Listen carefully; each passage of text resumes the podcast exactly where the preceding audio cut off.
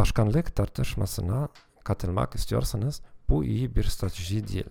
Rakibiniz hızla kaçıyorsa ve çevrenizdeki insanlar üzerinde iyi bir izlenim bırakmak istiyorsanız bu da en iyi strateji olmayabilir.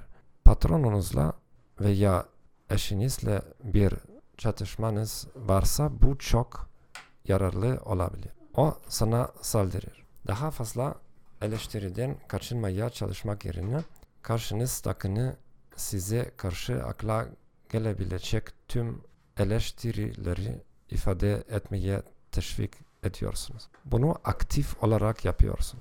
Benim hakkımda seni üzen her şeyin bu olduğuna emin misin? Bu neden işe yarıyor? Rakibimizle empati kuruyoruz. Eleştiriyi ciddiye alıyoruz çünkü diğerini susturmak istemiyoruz. Diğeri sadece öfkesini dile getirerek sakinleşebilir.